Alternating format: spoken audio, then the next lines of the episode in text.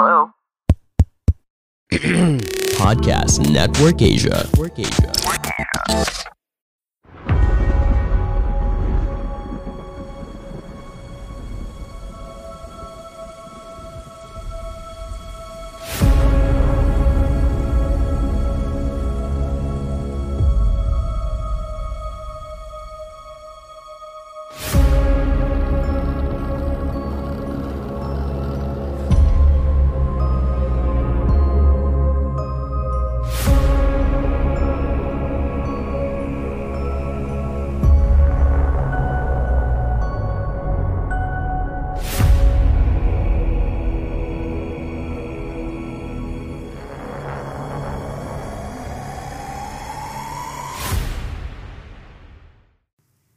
Halo semuanya, namaku Iksan. Welcome back again with me di podcast dengerin horor. Eh, di episode ke-88 ini, aku nggak mau ceritain atau bacain cerita horor yang ada dari yang ada di Twitter. Tapi eh, di episode ini bakalan sedikit berbeda karena ini adalah cerita pribadi atau kisah mistis yang aku alami secara pribadi gitu. Eh, walaupun kisah ini tuh bukan kayak ngelihat secara langsung ya, tapi kita sebagai manusia seutuhnya. I mean eh, makhluk hidup gitu loh.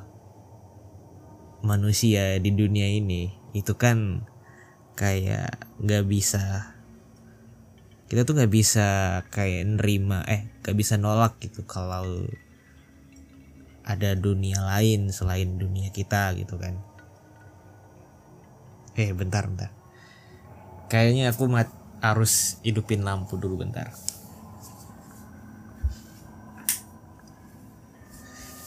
karena agak serem juga gitu kan kalau cerita sambil matiin lampu kamar gitu kan nggak. Takutnya gitu kan ada sesuatu gitu, lagi cerita tiba-tiba ah, ada sesuatu yang terbang gitu kan gak asik gitu kan. Ya udah sekarang udah terang ya. Oke udah terang.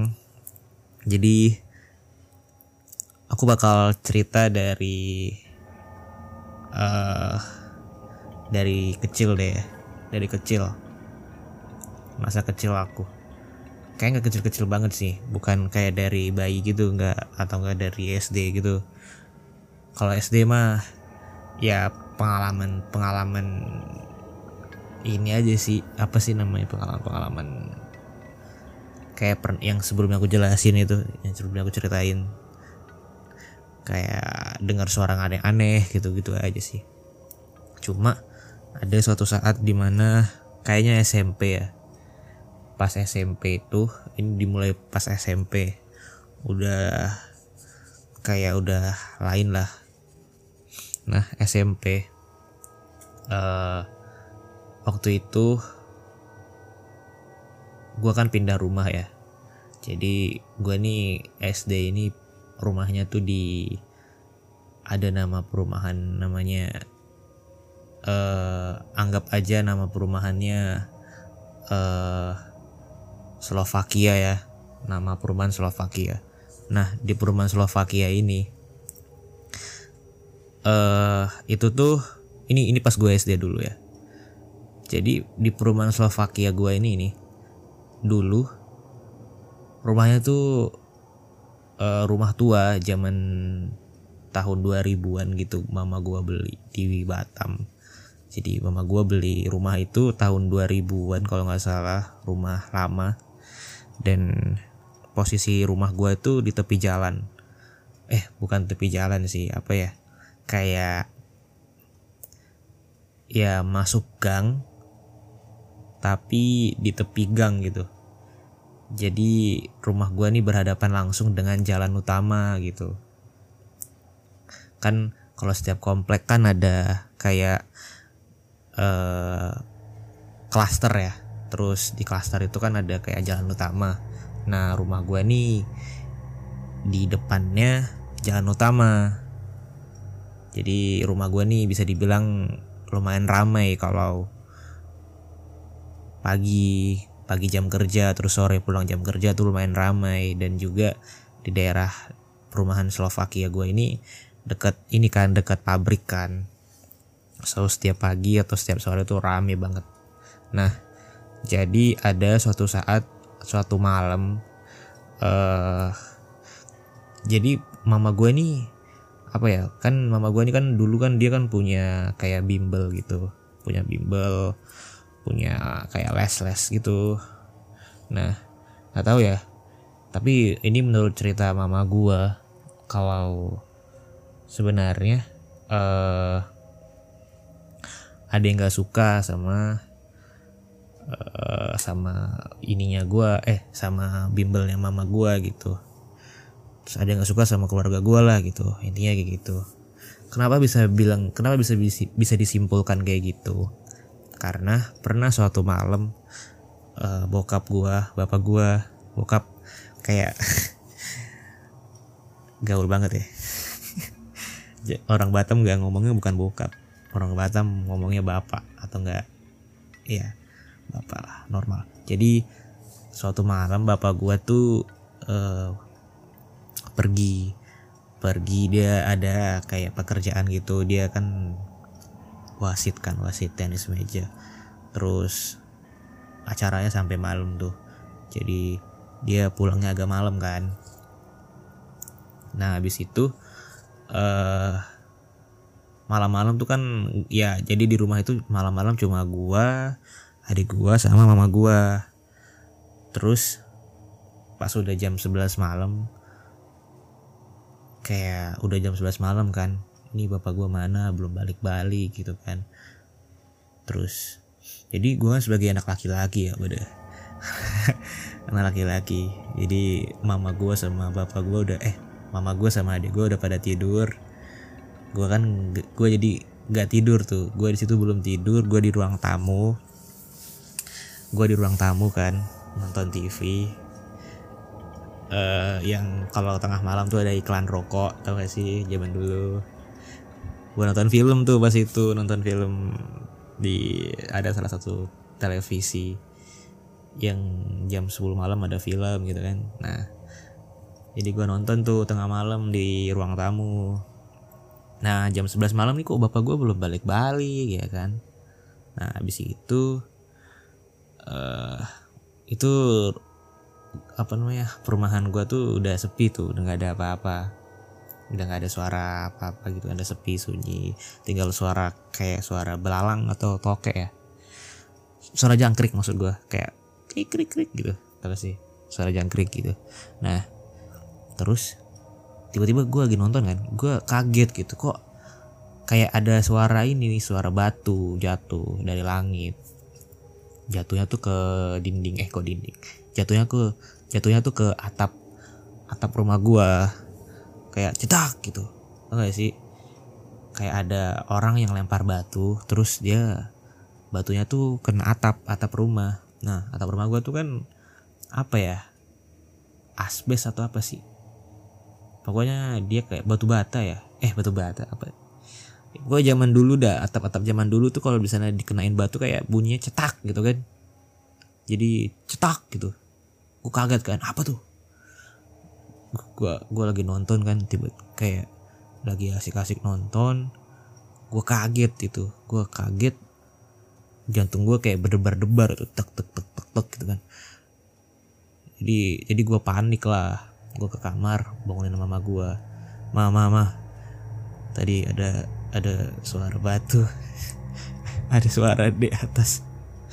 Udah habis itu gue disuruh tidur disuruh tidur. Nah ya udah habis itu udah gue tidur bapak gue datang kan. Nah tapi belum selesai sampai situ aja.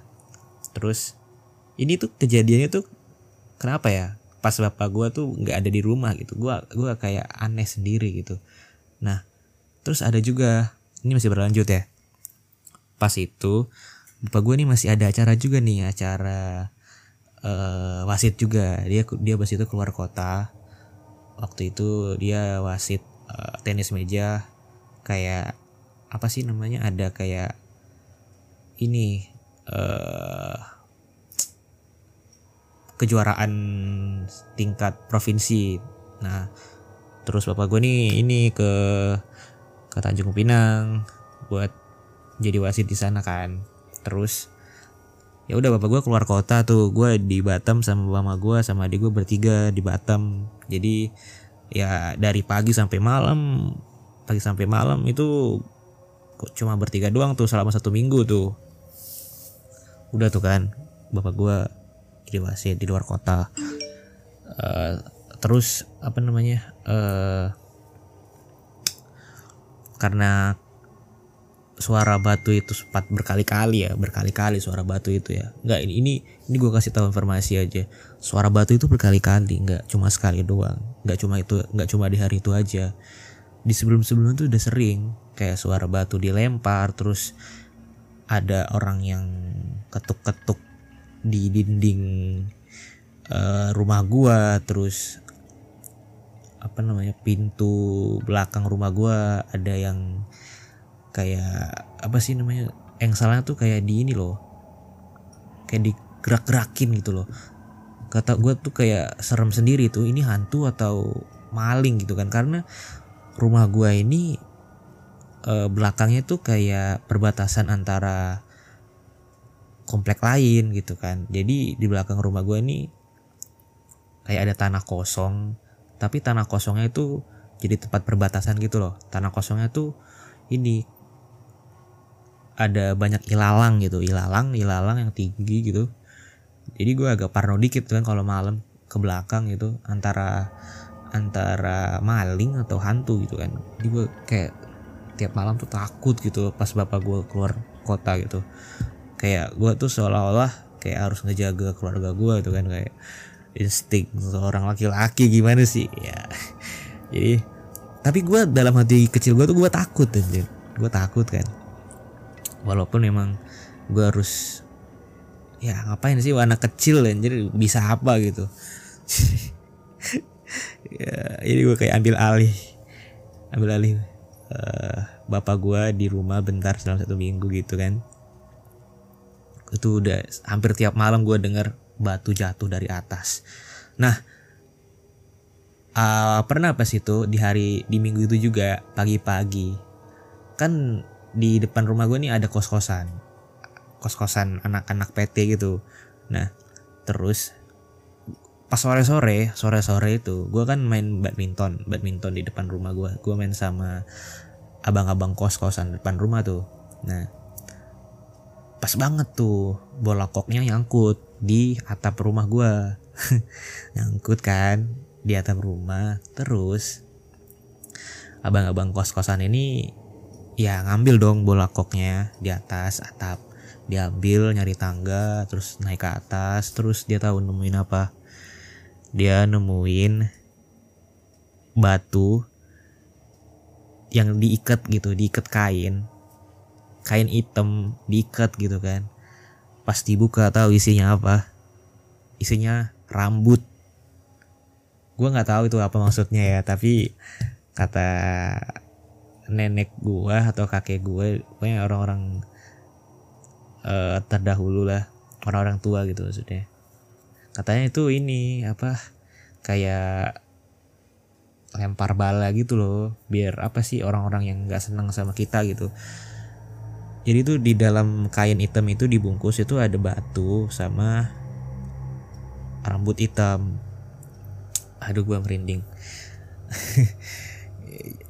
Jadi mungkin ini kali ya alasan kenapa hawa rumah gua nih nggak enak banget gitu kalau malam-malam kayak ada yang ganjel gitu kan tiap malam aja kayak nggak tenang gitu gua tuh.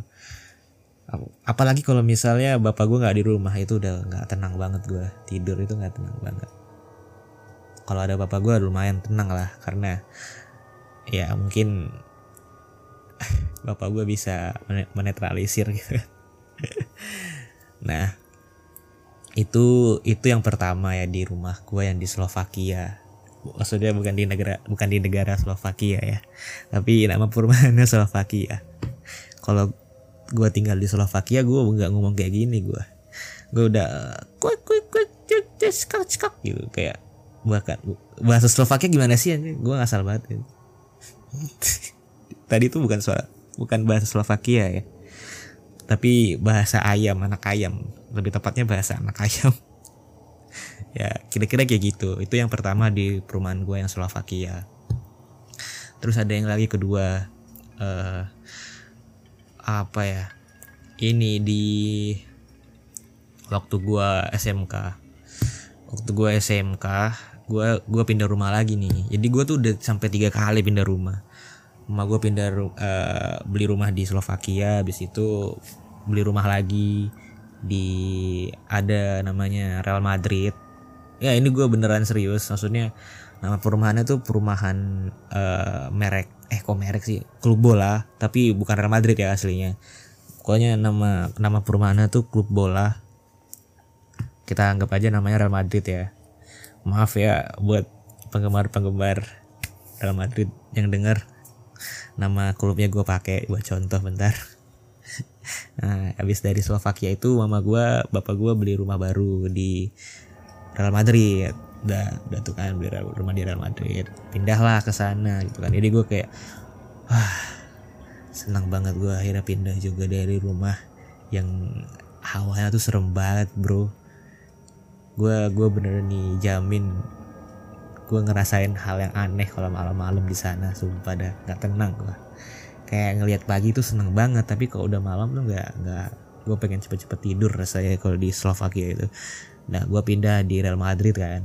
Itu gue ada aman-aman tentram gitu kan gue SMP itu pas itu gue tentram hidup tentram terus gue punya teman banyak di sana. Gue jadi rohis di masjid juga di sana. Uh, habis itu ya perumahan gue yang di dekat Real Madrid ini eh di Real Madrid ini tuh deket sama masjid kan dia yang apa kayak an, aman gitu tentram gitu enak gitu. Habis itu udah nih udah SMP kan udah tiga tahun jalan. Habis itu uh, mama gue beli rumah lagi ya jadi beli rumah lagi. Memang ya mama gue bapak gue nih kayak penggemar rumah ini sebenarnya. Ya ini ini gue gue berapa kali ya gue pindah ya? Satu dua tiga empat li, udah lima kali gue pindah. Dan itu gue alamin ada ada aja perbedaannya gitu loh. Setiap rumah tuh ada perbedaannya hawa-hawanya gitu. Kayak ngerasain gitu perbedaannya. Nah habis itu setelah tiga tahun gue SMP gue kan udah lulus SMP tuh. Gue naik ke SMK gue pindah lagi tuh ke SM uh, eh, gue pindah lagi tuh ke ke ruko. Gue pindah ke ruko rumah gue yang di Real Madrid ini dikontrakin terus di yang di yang di Slovakia juga dikontrakin kan pas itu. Jadi gue tinggal di ruko uh, abis itu ini abis itu di abis tinggal di ruko gue kan kayak aduh gue gue bilang ke mama gue mama kayaknya aku harus ini deh. Uh, kita kayaknya perlu rumah deh. Kayak tempat tinggal yang rumah gitu maksudnya. Nah habis itu udah tuh habis itu dibelilah rumah rumah di uh, perumahan apa ya? Anggap aja perumahannya namanya uh, perumahan perdata lah namanya ya. Nah di perumahan perdata ini gue SMK tuh kan. Dan dan di situ tuh rumahnya rumah kayak rumah bekas loh rumah apa sih rumah yang bukan rumah baru rumah yang udah direnovasi gitu. Udah, udah direnovasi terus ya bukan kayak rumah reguler yang seperti biasa gitu. Udah direnovasi udah ada dapurnya udah ada tempat jemurannya udah kamarnya udah banyak gitu kan. Nah di situ tuh lebih ini lagi loh lebih apa ya gue ngerasa kalau di rumah yang di perdata ini tuh lebih lebih panas auranya kalau dibandingin sama rumah gue yang di Slovakia. Kenapa gue bisa bilang begitu ya? Yang pertama, uh, yang pertama ya eh, dinding di rumah gua yang di Perdata ini itu terbuat dari batu bata maksudnya batu bata yang benar-benar batu bata gitu kelihatan kalau ya klasik gitu loh ngerti gak sih kalau klasik klasik batu bata gitu kalau perumahan-perumahan biasa kan kayak batu bata terus di di apa sih namanya dikasih semen gitu kan semen lagi kan jadi rata kan. Kalau rumah gue yang di perdata ini enggak jadi ada tekstur batu batanya gitu kelihatan tekstur batu batanya. Terus warnanya juga gelap apa ya kayak ini loh kayak warna orange orange gitu. Pokoknya dia nuansanya klasik lah bukan nuansa modern klasik gitu. Warna coklat ngerti gak sih? Ya kira-kira gitu makanya gue ngerasa kayak ada yang ah enak banget ini. Habis itu juga eh, kondisinya pasti itu udah kayak kotor gitu kan. Kotor. Tapi ya seperti biasa ya setiap gue pindah rumah itu pasti selalu diadain syukuran gitu kan. Ya syukuran buat keluarga gitu. Undang keluarga syukuran gitu kan. Udah tuh udah syukuran juga. Udah kayak doa doa di rumah gitu. Udah doa doa doa yasinan bla bla dan lain-lain gitu kan. Tapi masih aja gitu ada yang aneh gitu kan. Apa ini anjir? Tapi gue anehnya itu ya eh di perumahan perdata ini gue tuh nggak pernah loh maksudnya kayak ngelihat fisiknya secara langsung. Tapi kayak gue tuh ngerasain auranya doang gitu sam pernah gue pas itu eh, lagi lagi main game. Gue kan pas itu kan udah SMK kan jadi gue kayak main game tengah malam.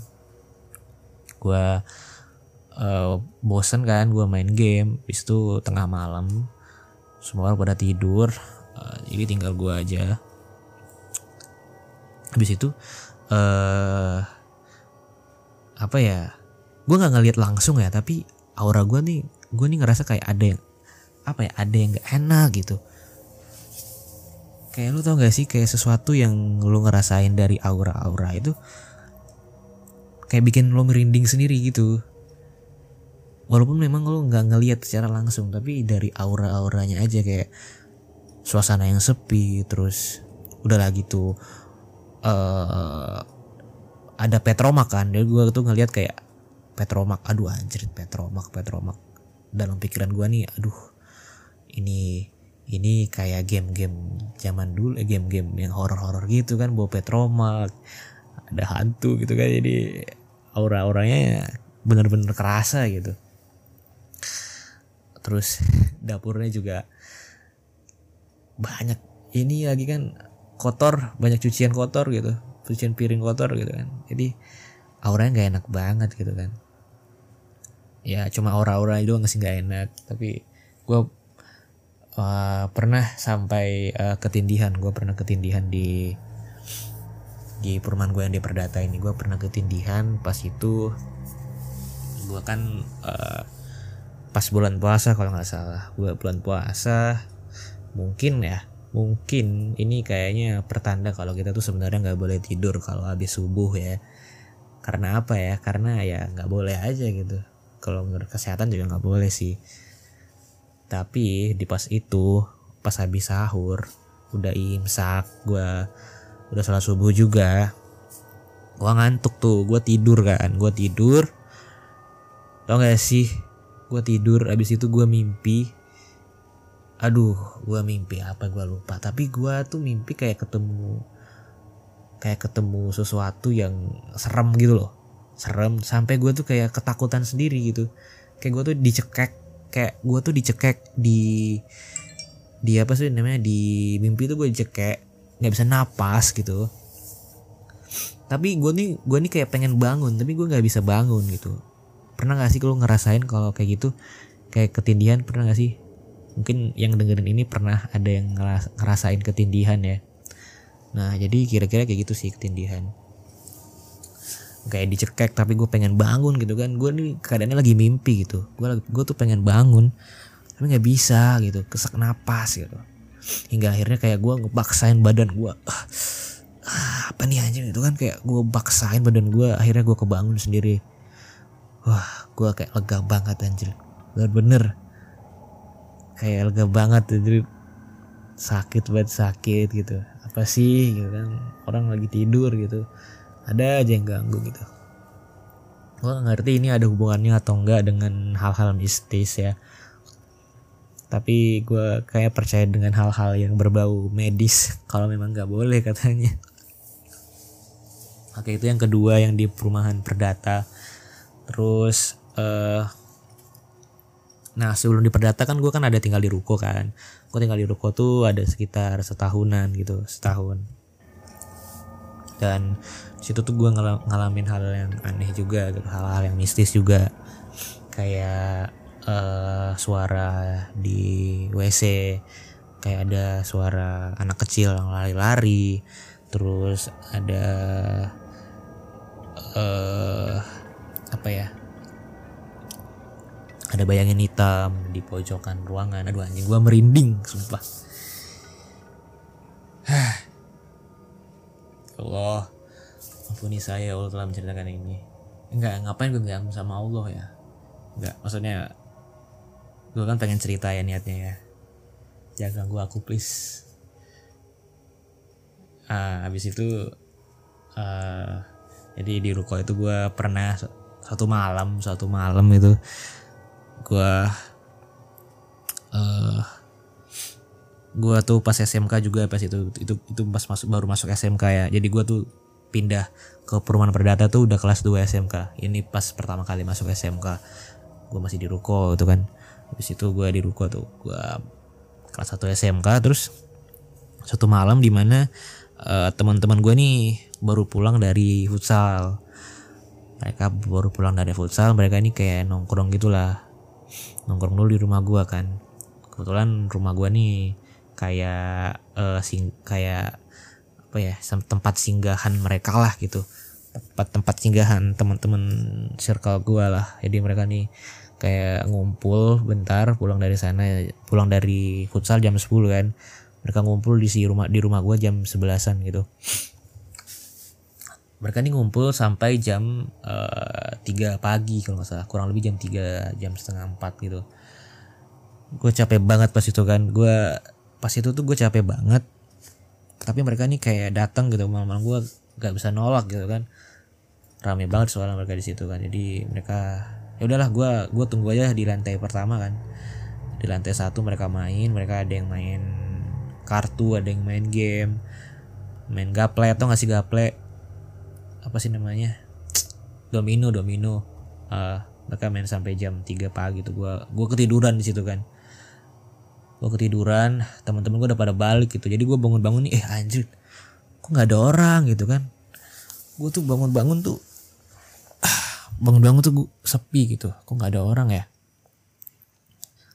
Eh, pas itu untung aja kondisi pintu rumah gue nih eh pintu ruko gue nih ditutup kan. Jadi ya gue bangun-bangun tuh sunyi banget. Sunyi banget. Gue buka pintu tutup pagar apa tutup tutup gate ruko baru tuh tutup pintu dalam lagi kan. Habis itu gue rapiin kamar eh rapiin rapiin meja.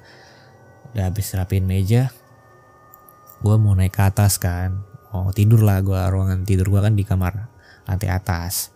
Nah gue naik ke lantai atas tuh sebelum naik ke lantai atas tuh gue ngelewatin namanya eh, kamar mandi. Kamar mandinya nih di bawah lantai eh di bawah tangga terus di depan kamar mandi ini ada ruangan gitu kan. Nah pas gue lewat eh, gue nih kayak apa ya kayak udah parno sendiri gitu nggak tahu ya kenapa. Gue udah parno kan jadi gue lewat tuh kayak tau gak sih ekor mata? Ekor mata sebelah kiri sebelah kanan. Jadi gue pas lewat itu gue tuh kayak ngeliat dari ekor mata gue jadi walaupun kepala lu ke depan tapi lu tuh bisa lihat ke sebelah kiri loh gitu. Kayak ayam gitu tau gak sih? Kayak mata lo ke depan tapi lu tuh bisa ngelihat sesuatu di sebelah kiri sebelah kanan lewat lewat ujung mata. Nah ekor mata. Nah jadi gue lewat tuh kan gue matiin lampu di depan gue naik. Terus tapi gue lewatin dulu WC sama ruangan di depan WC itu gue lewat. Terus pas gue lewat gue kayak jalan pelan kan gue jalan pelan gitu. Gue lewat gitu. Terus gue kayak ngelihat sesuatu gitu di sebelah kiri gue dari mata kiri gue apa tadi itu ya. Terus entah kenapa ya di pikiran gue pas gue mikir apa tadi ya langsung muncul di otak gue tuh itu bayangan hitam lagi kayak mojok di sebelah kiri. Terus gue tiba-tiba langsung nyimpulin kan wah itu tadi gue ngeliat bayangan. Gue langsung lari dong. Gue lari kan gue lari naik ke atas. Sumpah ya. Eh nggak boleh sumpah ya nggak boleh. Maksudnya gue serius nih. Pas naik tangga itu gue tuh kecepatannya kayak udah ngalahin Rossi gue rasa. Kayak Rossi nggak bisa juga sih ngalahin kalau kecepatan gue naik tangga kayak gitu. Wah anjir kaget. Wah kan? Sumpah gue gue gue kan kak gue kagetan demi Allah. Gue nih lagi lagi rekaman kan terus tiba-tiba pintu gue dibuka sama mama gue pintu kamar gue dibuka gue langsung kaget kan. Ini jantung gue berdebar-debar langsung gak bohong. Oke okay, tadi di mana sih? Uh, jadi gue kan lari gue lari. Kayak cepet banget sih. Gue kayak bisa bisa ikut lomba naik naik tangga paling cepat di dunia kayak gue juara sih gue yakin sih. Karena uas itu kayak cepet banget men. Gue naik tangga itu sekitar ada anak tangga itu sekitar ada tuh agak empat coba eh, ada sekitar eh, puluh tiga atau dua puluh empat atau dua puluh lima lah dua puluh lima anak tangga dari bawah. Terus gue kayak anjing cepet banget bro. Gitu. Tapi gue tuh naiknya tuh kayak satu persatu gitu. Lu tahu kan kayak lari. Tapi larinya tuh lari-lari kecil. Jadi gue lari kecilnya tuh di itu di apa sih di tangga itu kayak lari lari lari kecil kecil, kecil gitu. Satu satu satu satu, satu naik sampai naik. Gue lari kan. Mama mama tadi aku ngeliat ada bayangan hitam. Hah yang benar kamu? Iya benar nggak bohong gue udah semput di situ kan kayak napas gue udah gue atur banget itu. Gue hah, hah, hah. tadi aku lihat mah di bawah. Gue langsung gue langsung disuruh minum minum kamu minum minum minum minum minum. Udah minum. Udah habis itu besok paginya dicek sama mama gue ah nggak ada apa-apa san. Udah nggak ada apa-apa. Ikan kamu doang itu. Eh, ya sih semoga aja ya pikiran gue doang. Udah sih habis itu udah kan. Uh, itu apa lagi ya? Um, udah SMK habis itu gue kuliah kan. Kuliah gue pindah lagi tuh kuliah. Pindah rumah lagi nih. Gue sekarang di perumahan yang apa ya yang lebih aman lah. Sekarang uh, nama perumahannya uh, anggap aja nama perumahannya uh, Putri Putri Selebriti lah ya nama perumahannya ya. Hmm, Putri Selebriti nama. Eh enggak deh. Anggap aja nama perumahannya Putri ya. Nama perumahannya Putri. Oke. Okay. Nah, gua nih di sini tuh pindah rumah ke perumahan Putri yang lumayan lah maksudnya hawanya tuh di sini tuh adem banget bro sumpah. Adem banget sini. Hawanya tuh adem banget gue kayak tentram gitu tidur tentram. Uh, habis itu bangun pagi tuh juga senyum gitu kan. Uh, malam-malam juga enak gitu. Gue kalau ngebegadang malam-malam tuh nggak apa ya nggak nggak takutan gitu enak gitu main laptop begadang nggak takut kayak ada suara-suara yang aneh nggak. Karena emang nyaman gue di sini. Habis itu uh, kayaknya ada satu lagi sih cerita gue ini agak absurd juga. Jadi pas itu gue balik dari uh, dari dari nongkrong gue balik sama teman gue kan gue balik uh, habis itu gue balik dan pas sebelum ke rumah gue itu kayak ada tanjakan ada tanjakan. Nah tanjakannya ini tuh ada ini loh kayak lampu jalan tau gak sih lampu jalan ya? Kalian tahu lah kan lampu jalan. Lampu jalan sebelah kanan sebelah kiri gitu. Terus eh pas gua naik ke kayak bukit gitu. Tanjakan tanjakan. Nah gua ngeliat gua kan gua kan bawa bawa motor ya. Gua kan yang bawa motor ya. Tau gak sih?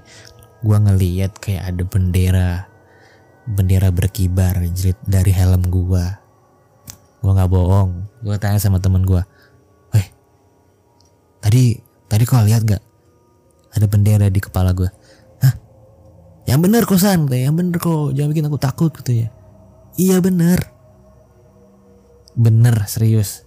Jadi ya gua gua kasih tahu ya apa yang gua lihat gua bakal soalnya gua tuh bawa motor. Nah kan kalau misalnya ada lampu jalan itu kayak kelihatan kan bayangan-bayangan motor lu kan dari depan atau belakang kan. Karena ya lampu jalan kan uh, ada spasi-spasinya kan. Nah kelihatan dong kalau misalnya lampu lampu jalan terus ngenyinarin lu dari dari atas kan kelihatan kan? Nah pas gua nanjak itu gua ngeliat di helm gua itu di bayangan helm gua tuh kayak ada tiang terus bendera berkibar. Berkibar bener-bener berkibar. Kayak berkibar ada angin gitu tau gak sih? Nah pas gua besok pagi cek gua gua kan keluar lagi kan paginya. Gua ngeliat nggak ada apa-apa di sana nggak ada pamflet nggak ada spanduk. Bener-bener kosong men. Nggak ada sama sekali nggak ada bendera atau apa semacam itu nggak ada. Bener-bener situ tuh cuma ada lampu jalan sama uh, ilalang-ilalang doang gitu. Jadi apa itu kan? Gue sampai sekarang mikir apa tadi itu ya? Apa itu ya tapi ya udahlah itu kan kayak pengalamannya absurd doang kan. Gue nggak gue nggak ngerti maksudnya apa sih. Tapi ya itu itu aja sih kawan-kawan ya yang gue pengen ceritain buat temen-temen di luar sana. Uh, bahwa saya kita memang nggak bisa nolak kalau di sana tuh kita hidup berdampingan sama dunia lain gitu. Walaupun mereka ini kadang ada yang baik ada yang yang usil gitu kan ya kita sebagai manusia yang sempurna dalam artian bukan uh, maksudnya kayak ya kan Tuhan kan menciptakan manusia kan sempurna ya. Dalam artian kalau dibandingin makhluk-makhluk lain gitu loh. Maksudnya bukan secara fisik ya. Secara fisik mah atau secara intelijen mah manusia nggak ada yang sempurna kan. Ya gitu maksudnya dibandingkan makhluk-makhluk lain kayak makhluk gaib atau apa gitu kita kan makhluk paling sempurna. Nah kita kayak ya udah berdamai aja gitu kalau mereka di di apa namanya di ada di dunia lain atau di berdampingan dengan dunia kita ya udah. Kita nggak ganggu mereka nggak ganggu gitu. Gitu aja sih. Dan by the way kalau misalnya kalian uh, pengen cerita juga bareng aku tentang pengalaman-pengalaman mistis kalian ya boleh banget gitu loh request aja di DM Instagram baca horor atau di Twitter baca horor. Karena ya kadang kita tuh pengen bercerita kan tapi nggak tahu sama siapa. Kalau misalnya kalian punya cerita horor ya bisa cerita ke sini gitu kan seru-seruan. Asalnya kayak ya, interview horor-horor gitu lah. Oke deh kayaknya udah itu aja dari gue ya. Udah 40 menit. Eh enggak ding. 38 menit ya oke itu aja dari aku. Aku Iksan sampai jumpa di hari Kamis di episode selanjutnya. Bye. Pandangan dan opini yang disampaikan oleh kreator podcast, host, dan tamu tidak mencerminkan kebijakan resmi dan bagian dari podcast Network Asia. Setiap konten yang disampaikan mereka di dalam podcast adalah opini mereka sendiri dan tidak bermaksud untuk merugikan agama, grup etnik, perkumpulan, organisasi, perusahaan, perorangan, atau siapa pun dan apa pun.